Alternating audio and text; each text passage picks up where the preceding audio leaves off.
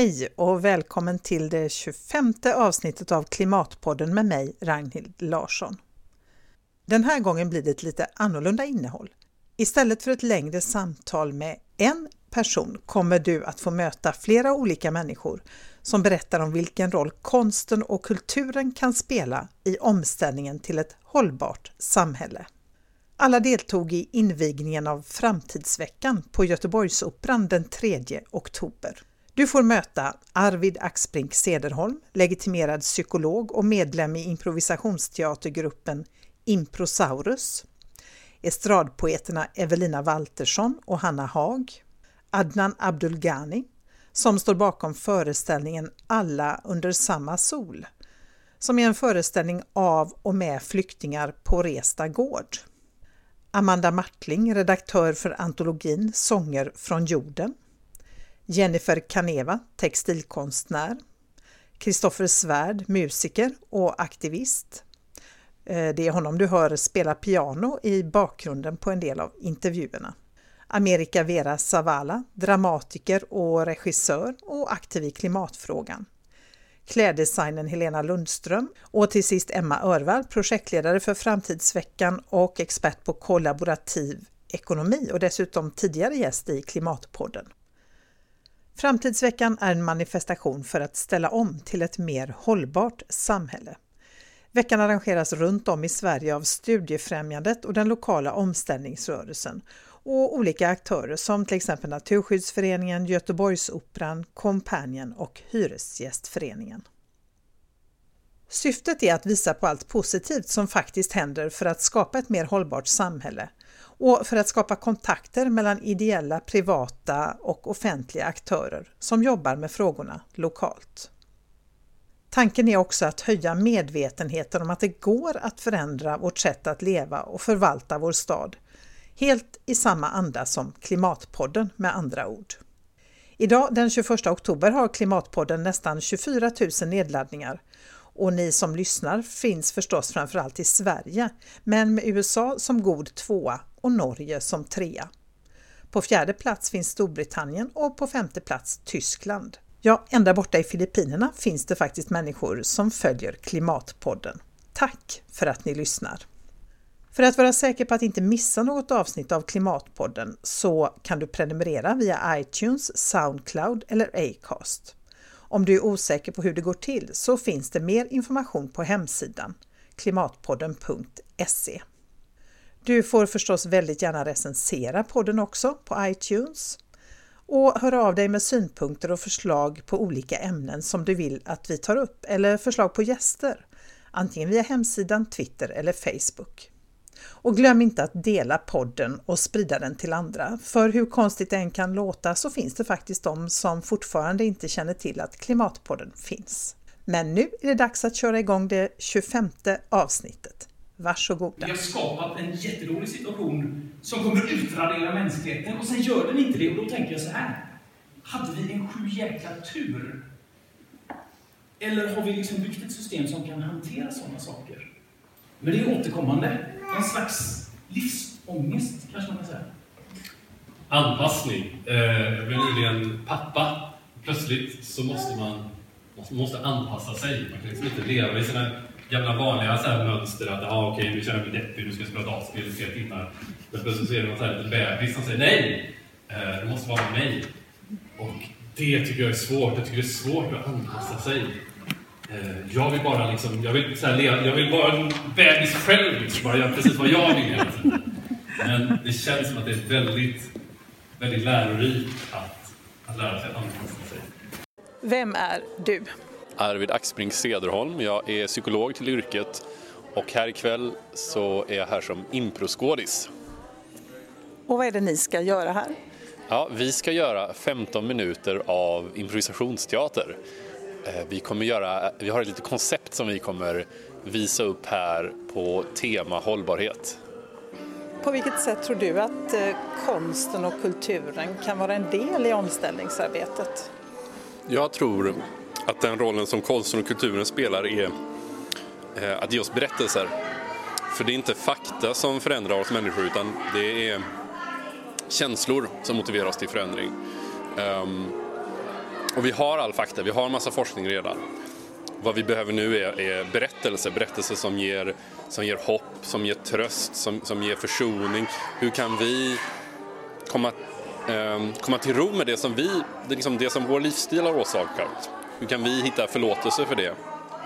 Och där tror jag att kulturen och konsten eh, spelar en jätteviktig roll. Hur, när blev du medveten om eh, klimatförändringarna? Ja, det var så här sex, sju år kanske så fick vi en liten broschyr i posten från, eh, från staten som handlade om eh, eh, miljöproblem. Och jag kommer ihåg hur, eh, liksom, hur fascinerande det här var för mig och jag var så här, nej men det här är ju inte alls bra, det här måste vi göra något åt. Och sen har jag ägnat de följande 25-30 åren till att försöka hitta, hitta en form för det här. Hur ska jag, göra, hur ska jag ta del av det här liksom? Ja. Och du har hittat teatern nu då, kan man säga? Ja, teatern, vi har ju inte gjort några så här eh, klimatföreställningar förut. Men eh, jag vill att det ska vara ett av våra kommande projekt. Eh, jag tror att vad jag försöker göra just nu är att börja forska på klimatpsykologi då. Och varför vill du eh, forska på klimatpsykologi? Jag tänker att det är det viktigaste jag kan göra i mitt liv. Liksom när, när eh, vi fick just barn här, jag och min fästmö. Tänker att när hon frågar mig om, om många år, vad gjorde du pappa? Då ska jag säga, ja men vet du vad jag gjorde? Jag, jag, försökte, jag forskade på klimatpsykologi, älskling. Det låter bra, lycka Ja, till. tack. Min revolution är en glad lampa som lyser upp ett arbetsbord sent om natten. Min revolution är båtar som inte bara låter människor kliva ombord utan också för dem i hamn. Min revolution är knattret ifrån tusentals tangentbord spridda över alla kontinenter. Min revolution är klirret av porslin vid ett matbord där familjen äntligen får äta tillsammans. Min revolution är stillheten runt ett ovalt konferensbord kring vilket alla stolar lämnats tomma. Min revolution är blekta tidningar i travar på ett köksbord med rubriker som tar struptag på makten. Min revolution är leken kring ett pingisbord där alla barn talar olika språk. Min revolution är ett inramat fotografi på ett nattduksbord vilket föreställer en av dem vi redan förlorat. Så vem är du? Jag heter Evelina Varas. Eh, Jag är estradpoet, eh, spårvagnsförare och småbarnsförälder ifrån Göteborg. Bra kombo. Ja, men jag tror det. Jag tror på liksom att ha vissa kontraster i livet. Vad är det du ska göra här idag på invigningen av Framtidsveckan? Jag ska läsa poesi tillsammans med Hanna Haag. Och på vilket sätt tror du att konsten och kulturen kan vara en del i omställningsarbetet? Jag tror att konsten och kulturen eh, aldrig kan existera frånskilt från samhället vi lever i. Det uppstår liksom i en växelverkan med det så att det är vår nödvändiga eh, möjlighet att, eh, att hantera de tankar och känslor som uppstår runt eh, om man kallar det världsproblem eller vad som helst, liksom helt enkelt ett sätt att hantera det som är gemensamma utmaningar och ibland också gemensamma trauman. Jag kommer ju då från Klimatpodden så jag undrar givetvis när du blev medveten om klimatförändringarna. Jag tror någon gång på mellanstadiet, typ när man fick skriva låtar i skolan om det.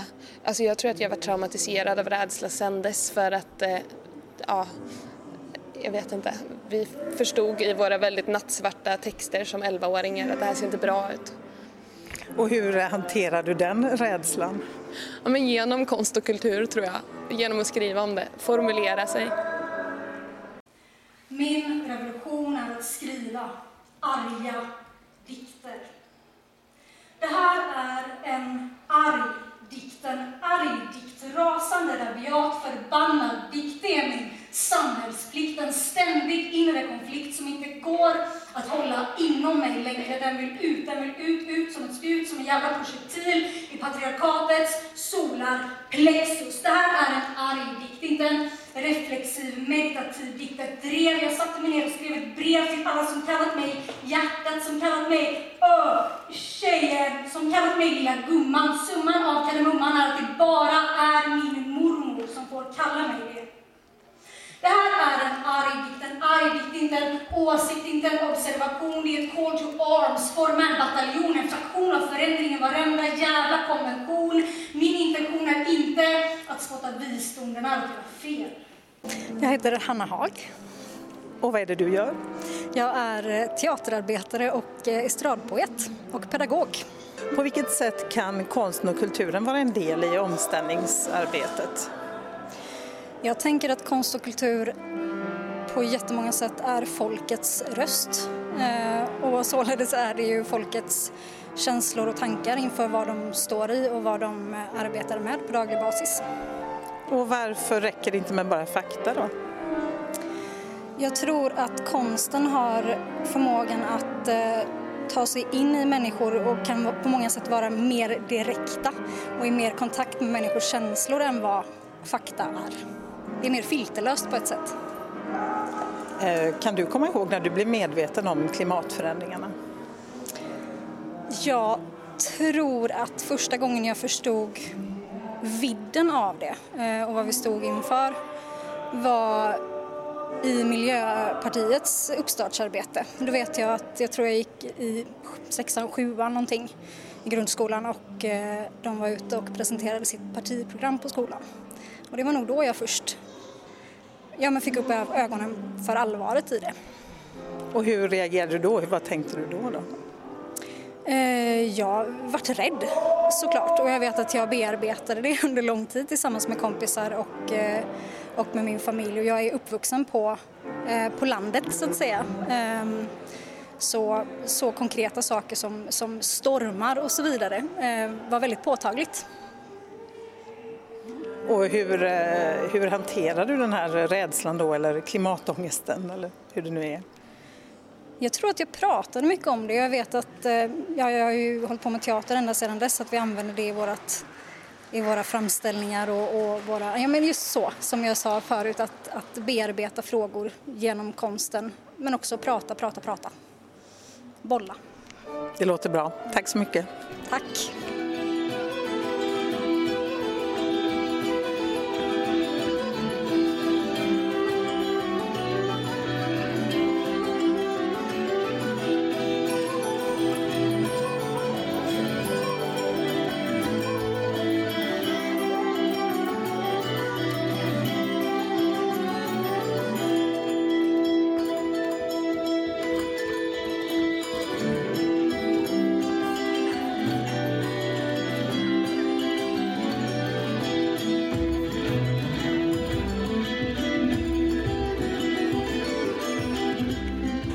So who are you? My name is Adnan Abdul Ghani, and uh, originally I'm a computer engineer. I came from Syria two years ago to Sweden. What are you going to present here uh, at this um, this event today? Actually, I represent a group called the Support Group, and uh, it's mainly a refugee group. Uh, uh, we started this group in the biggest asylum camp in Sweden called Resta Gurt, with 1,500 people live in this camp. We started this group to create activities ourselves, you know, depending on the competence that we have. We have a lot of people with high competence, educated or in in in culture wise, or also in as um, as craftsmen. So uh, we started this group to uh, do a lot of activities. One of the activities is culture activity. We have a show called All We Are All Under the Same Sun, and it's a song, dance, music to present, represent uh, refugees' cultures to the Swedish society. So uh, we've been doing this show 18 times on stages in different places in Sweden right now, and uh, today we're here to represent some parts of our show in, in this event. And in what way do you think that uh, culture and art can play a role in uh, the development of a sustainable society? Sure. Uh, early stage when we arrived here to, in Sweden and we started our activities, and we have this interaction with the society, we we found out that culture is the, the first icebreaker you know, whatever you have different languages, you have different uh, backgrounds, you have different opinions. Culture always will break the ice and let you sit together, learn, and uh, do things. Very early, culture changed our lives in living in refugees camps. Uh, after our sh- first show we did to introduce who we are to the Swedish society around us in in Vänersborg, in the city where we live, we we we found big mentality change in the society towards refugees. We had only four or five volunteers working with refugees that time. After the show, we had 60. So Oh, you that's can great. imagine how much this interaction, how much this changed the society, you know. In uh, and it was culture, the first break icebreaker. And uh, I mean, we need to, uh, I mean, if you think about climate change and things like that, we really need to change our society. In what way can culture and art play a role there? Uh, you know, it's uh, it's uh, it, it is in a way that uh, I will I will talk from personal experience and me like other refugees when we came to Sweden. We come from countries. Mm, We were near to the culture, but we don't have the cul- the, the, the, the, the, the, the mentality of taking care of the environment and things. We had bigger issues to think. It's surviving and something like this. So I think art uh, also interact when interacting with the artist and uh, uh, different culture, with the Swedish culture, the European culture, we start to know more about uh, about uh, climate change, about small things that make difference for the earth, and uh, so you could see a lot of people now. Uh, they learn how to recycle, they know how to uh, do things, and it's just so small baby steps for us. But I think art and culture play a role in that also. Yeah, and I think, and uh, I mean, also a lot of people think that, uh, or scientists uh, also mention the fact that uh, uh, the situation in Syria started with a drought, a severe drought, that it could really be a cause for, you know, Yeah, exactly, people- exactly. Uh, we had a few years of uh, of uh, very hot years with the, there is no harvesting, and there, it's, it was a lot of. In, besides a lot of political changes and economical things, but all is connected. I, th- I believe so. Also, it's all connected with the climate uh, change in the world. Okay, so good, good luck Thank tonight. you. Thank you so much. Thank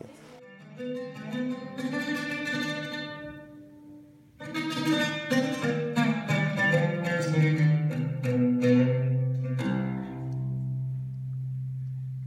Vem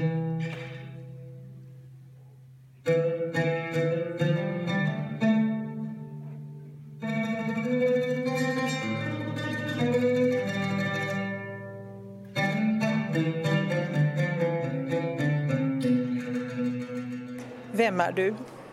Jag heter Amanda Martling och jag är engagerad inom omställningsrörelsen och är här idag för att jag är redaktör för en bok som heter Sånger från jorden som är en antologi som kom ehm, i slutet av förra året. En bok om inre omställning. Och eh, vad på, mm. hur tror du att konsten och kulturen kan spela en roll när det gäller omställningen som vi måste göra? Jag tror att det en, kan spela en jättestor och viktig roll. Jag tror att vi har pratat nog om problemen. Vi vet problembilden och, och utmaningarna som vi har framför oss men det vi behöver hitta nu är mer lösningar, kreativiteten, glädjen att göra saker tillsammans och att eh, också måla den här färgglada bilden av vart vi vill snarare än var vi är på väg ifrån. Och där tror jag att kulturen har en viktig roll. Så måla upp visioner då av ett hållbart samhälle till exempel, eller hur tänker du?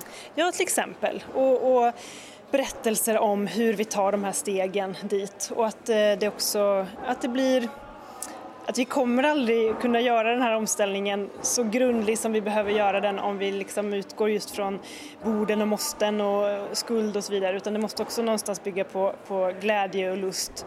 Jag tror också att, att hitta sin, just sin pusselbit i den här omställningen till ett mer hållbart samhälle också måste mycket utgå från, eh, från lust och från att eh, göra det man tycker är roligt helt enkelt. Det håller jag verkligen med om. Eh, vad, när blev du medveten om klimatförändringarna? Ja, för mig började det nog, jag var mycket engagerad inom eh, vad ska man säga, globala rättvisefrågor och det var mycket liksom, Afrika och, och solidaritetsfrågor och så för många år sedan. Och när jag då förstod liksom, ja, det här med klimatförändringar och hur det är någonting så tydligt som vi orsakar här och som får så tydliga konsekvenser i, i syd och i varmare delar av världen och så. Det var nog faktiskt min ingång och sen har jag eh, jobbat mer och mer med miljö och klimatfrågor efter det. Du, den här boken Sånger från jorden, vad innehåller den? Berätta lite mer om den. Det är en antologi med 32 medverkande. Den innehåller eh, både texter och dikter och seriebilder. Det är en blandning av medverkande. Dels så är det många från omställnings och miljörörelse men vi har också med en del kända namn som ofta syns i andra sammanhang. Eh, Stefan Sundström, eh, KG Hammar, Lasse Berg till exempel, Sara Granér med, med, med fler. Och vad är det ni vill uppnå med boken? Ja, den, den um, tar upp de inre perspektiven på omställningen kan man säga. Lite mer psykologiska, filosofiska frågor kring eh, värderingar, varför gör vi egentligen som vi gör, hur kan vi göra annorlunda och var börjar det så att säga inom oss? Inte bara grön teknik och det här att skrapa på ytan utan ja, att, gå, att gå lite djupare. Det beskriver boken på olika perspektiv, då, eller de här medverkande beskriver det utifrån olika perspektiv.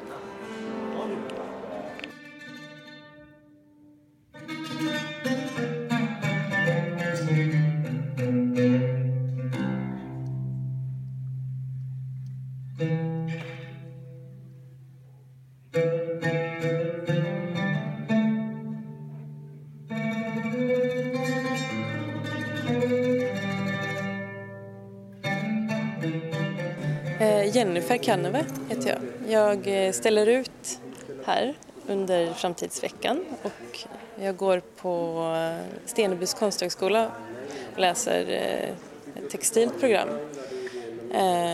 Ja, textil klädformgivning heter det. Och ja, det sysslar jag med. Så. Och vad, vad, är det du, oj, vad är det du ställer ut? Jag ställer ut en eh, skulptur som jag har hängt upp i taket och hissat ner.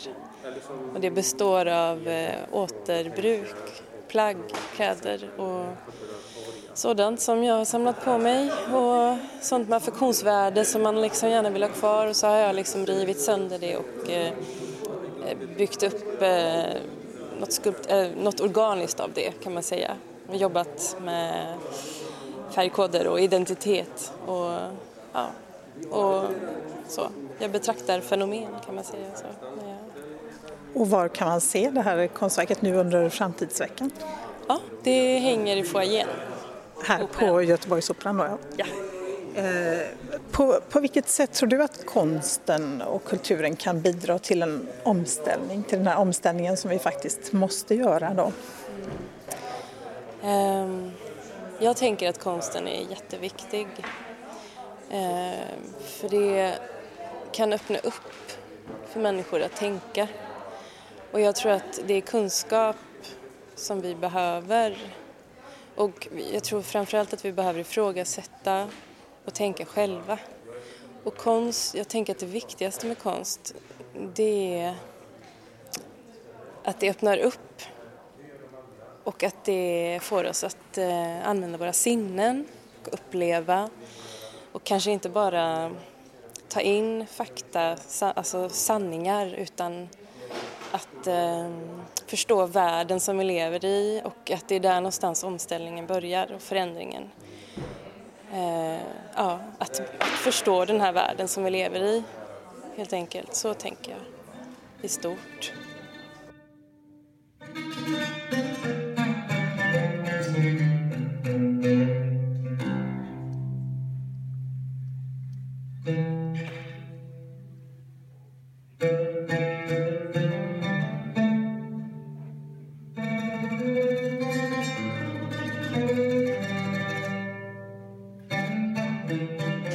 Kristoffer Svärd, eh, exilgotlänning i Göteborg, exilgute. Och eh, jag håller på med främst med musik och teater. Akt, miljöaktivist har jag varit i Ojnare och gör väldigt många olika saker. Drag, eh, går på, dansar på styltar och gör skivar med egna sångare och så. Massa olika musiker. Så på vilket sätt tänker du att konsten och kulturen kan bidra till eh, att ställa om samhället, något vi måste göra? Jo, efter att ha hört på det här föredraget, eller jag tänker alltså att man måste ge människorna någonting som de vill ha, någonting som är akut. Och det finns så mycket som är akut. Och jag tror inte man kan börja med siffror och börja på det globala, men jag tror att människor, vår största sjukdom och katastrof är ensamhet. Människor som känner sig ensamma, längtar efter gemenskap, längtar efter att vara sedda, känner kärlek. Så jag tror det är konstnärens uppgift nu också med flyktingar, att bygga communities, att föra människor samman som en schaman ungefär. Alltså, få människor att öppna upp, våga möta sig själv och andra. Det är ett jättebra redskap, musiken är ett jättebra redskap för det. Det finns hela tiden eh, säga, någon form av anledningar och ursäkter för att inte tillräckligt många tar klimatkrisen på tillräckligt stort ansvar. Eh, allvar. Eh, förra hösten var en sån höst för mig där jag kommer tydligt ihåg att jag i slutet på sommaren tänker nu, nu är sommaren slut. Paris-toppmötet är i december. Nu kommer det komma eh, en höst där klimatfrågan kommer att dominera helt och hållet. Eh, för en gångs skull på flera år så ska jag liksom få genomleva och uppleva ett tag där alla pratar om klimat. Jag heter Amerika och jag är dramatiker, eh, regissör och eh, är också aktiv i klimatfrågan på olika sätt. Och när började ditt engagemang? Så jag tycker det är svårt att säga för att klimatfrågan fanns ju med väldigt mycket i globaliseringsrörelsen så jag skulle nog säga att klimatengagemanget började någonstans där i mitten på 90-talet när jag blev politiskt aktiv och den har alltid funnits med. Sen har det sett liksom lite annorlunda ut beroende på. Så jag tänker exempelvis en sån här grej som alltid har funnits med i mitt liv har ju varit någon form av kritik mot basmilism och eh, liksom kravet på eh, fria, bilfria innerstäder. Den typen av saker har liksom alltid funnits. Något som var väldigt starkt då, liksom mitten, slutet på 90-talet var ju någon form av så ekologisk skuld och, eh, eh, och liksom synen på tredje världen. Så det är klart att eh, ja, men, saker och ting förändras men den har nog alltid funnits med mig så länge som jag har varit. Eh, och den har aldrig varit minst viktig och den har heller aldrig varit mest viktig kanske jag skulle säga utan den finns med. Mm. Eh, vilken roll skulle du säga att eh, konsten och kulturen då kan spela i en omställning av samhället? En omställning som blir allt mer akut. Mm. Alltså jag tror att jag har funderat på det de senaste två, tre åren. Jag har, jag har skrivit en teaterpjäs för barn som heter Fimbulvinter som handlar om eh, klimatfrågan. Och, eh, och det var väl liksom en sån att jag har tänkt i flera år att jag måste skriva någonting som har med klimatfrågan att göra. Och så blev det den första barnpjäsen och det har jag funderat mycket på att det är liksom så lite typiskt att jag skriver för barn bara för att det är klimatfrågan och varför måste jag göra det? Och, Eh, och att det å ena sidan är för att jag på något sätt respekterar barn väldigt mycket och deras klokhet och de förstår klimatfrågan mycket bättre än vuxna. Samtidigt så är det den här, liksom, man varför inte ge sig på vuxna eftersom det är de som behöver liksom. Så att det finns alla de där frågorna men jag har i alla fall börjat med en sak och jag hoppas att jag kommer fortsätta. Eh, jag, liksom, jag tänker på, och såna här, den här typen av inbjudningar att få komma hit exempelvis och invigningstala gör att man ändå sätter sig ner och funderar seriöst men varför ska kulturen hålla på med klimatfrågor och vad kan vi göra och hur kan vi göra det? Och... Mm.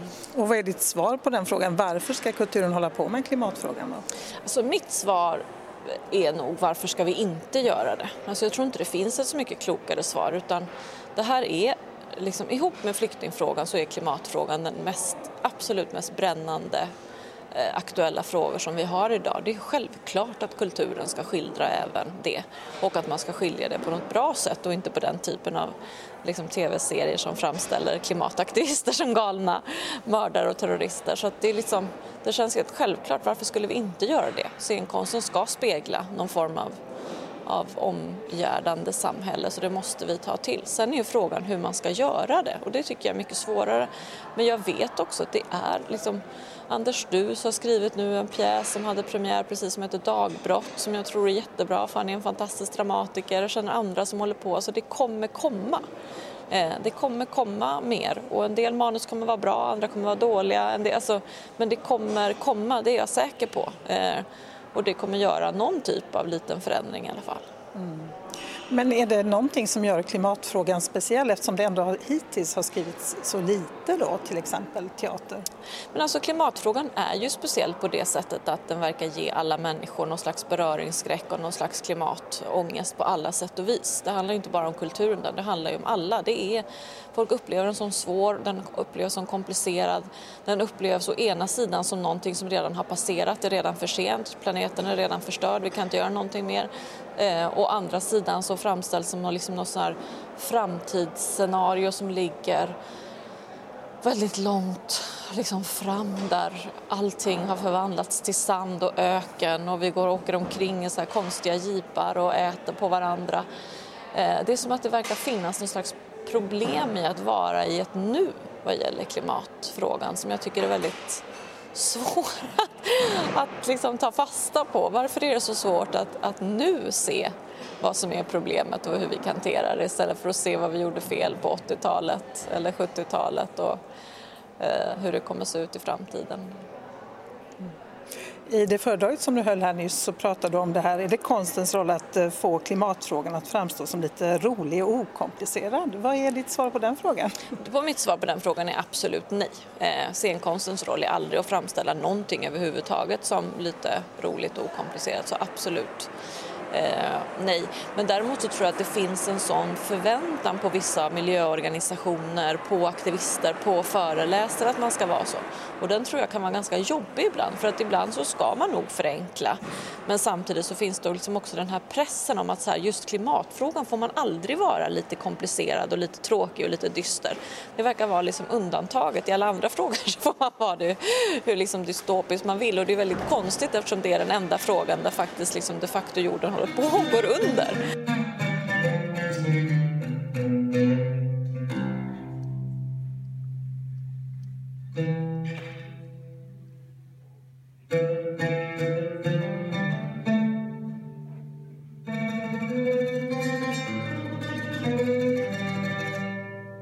Ni är båda med här och jobbar med Framtidsveckan. Och eh, jag ska börja med att be er presentera er, så vem är du? Mitt namn är Emma Örvall och jag jobbar på Studiefrämjandet med miljö och omställningsfrågor. Så jag har eh, varit med och samordnat eh, den här veckan. Och vem är du? Ja, jag heter Helena Lundström och jag har, en, har eget företag inom miljödesign, eller fokus på miljödesign som kostymör och sömmerska. Men jag har också i det här fallet en roll som konferencier och hjälp allt i allt, allt i allo heter det under den här veckan. Mm. Och på vilket sätt skulle du säga att konsten och kulturen kan spela en roll i omställningsarbetet?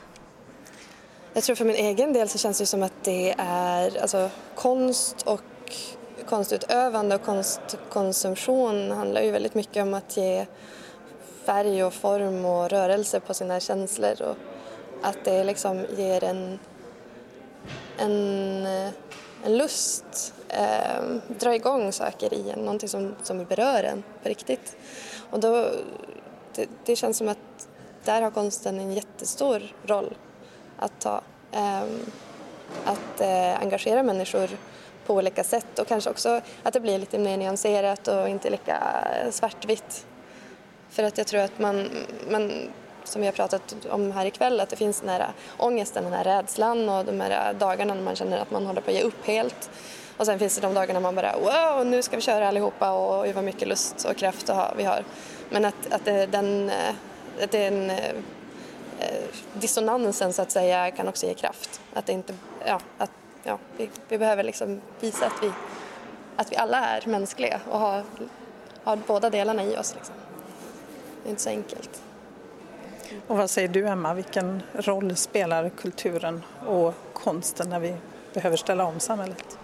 Men jag tror liksom Helena att just vikten av att beröra, att kunna med olika konstformer egentligen aktivera någonting inom människor om det så är eh, ja, men känslor i hela spektrat egentligen. Men jag tänker också just vikten av att spegla samtiden.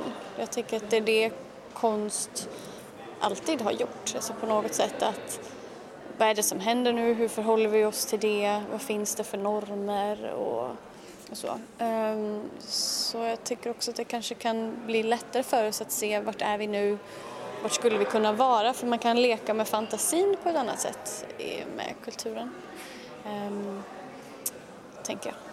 Utopier och dystopier, både och. Mm. Och skapa visioner också tänker jag av ett hållbart samhälle för det finns ju inte så många, det är mycket dystopier. Mm, sådär om nattsvarta beskrivningar av hur det kommer att bli men mm. inte så mycket visioner av hur ett hållbart samhälle skulle kunna se ut. Nej. Exakt, det håller jag med om. Jag tror att det kommer bli allt viktigare för miljörörelsen nu att prata om visionerna. Så vi pratar mycket om lösningar, man märker en väldigt tydlig liksom, förändring med lösningar och så. Men, och kulturen kan ju vara en viktig eh, pusselbit just att men hur skulle samhället kunna se ut egentligen? Um, ja, om vi ställer om. Liksom. Ikväll här när vi lyssnade på Amerika Vera Zavala så pratade ju hon om det här med att eh, ge hopp eh, och det var flera i publiken som tog upp det, alltså att ge hopp kontra att utmåla skräckscenariot eller kanske snarare en realistisk bild av hur det ser ut. Vad tror ni där? Hur, mycket, hur ser den balansgången ut? Hur mycket ska man skrämmas och hur mycket ska man ge hopp? oh, jag tycker det är nästan den svåraste frågan för att eh, jag vet inte, det, det, som jag tror att man har tagit till sig det senaste är väl att man har märkt att just information och det här med moral så trycka på den punkten har tyvärr inte lett till den aktiveringen som man, och det engagemanget som man hade önskat, som man trodde från början. Så nu upplever jag att man försöker hitta andra sätt att, att eh, eh kommunicera och aktivera människor och att man testar sig lite. Mm. Eh, sådär, testar sig fram helt enkelt på olika metoder och så. Eh, så ja, ja, jag tycker att det är, själv tycker att det är de svåraste frågorna faktiskt, just balansen, att det inte blir för ytligt och inte för mörkt. Mm. Liksom. Hur, Ja, det blir ju en, eh, vad ska man säga, alltså, folk pratar ju ofta om att man ska försöka göra ämnen sexiga. Mm. och jag menar, information och moral är kanske inte de sexigaste orden vi har. så att jag tror att där kan det bli liksom ett, ett, ett, stopp för många men sen så kan det ju bli liksom, som kyrkan får jobba med till exempel att, att det får inte göras för sexigt heller för då tappar man förtroendet. Så att mm. man får liksom inte heller, alltså, ja, man, man måste hela tiden vara lagom bra och lagom eh, dålig liksom, för att det ska kännas... Men det är jättesvårt. Mm. Alltså hur gör man? Men det måste ändå finnas starkare lust än vad det är rädsla för att rädsla passiviserar också. Mm. Jag tror att rädslan kanske behöver komma först. Du måste bli svinrädd liksom. Att det bara, att det bara slår dig. Så här är det verkligen. Det, här, det är farligt. Det är inte, och det är inte tusen år, det är nu liksom. Mm. Um, så att jag tror att måste, man måste slås av det. Och sen måste det finnas krafter då som fångar upp en i den rörelsen på väg in i något där man känner att man kan göra någonting. Och det måste få lov att, tänker jag, den processen, för att vi alla på något sätt har varit där, mm. att man, när man liksom vaknar upp eller när man börjar se hur det är, mm. då blir det väldigt så här, oj, mm. alltså den det blir så övermäktigt på något sätt. Men att de måste få lov att göra den resan. Och som du säger att det finns saker på vägen, organisationer, människor, metoder som stöttar en under vägen. Liksom. Mm. Men att det ändå är eh, jag tror mycket på lusten. Mm. Eh, och sen hur man väcker lust, det är en annan mm. sak. Ja, Men då kanske trots allt konsten kan vara ett sätt att väcka den lusten och engagemanget det tror jag definitivt. mm. Bra, då är vi överens. Tack så mycket. Tack, Tack själv.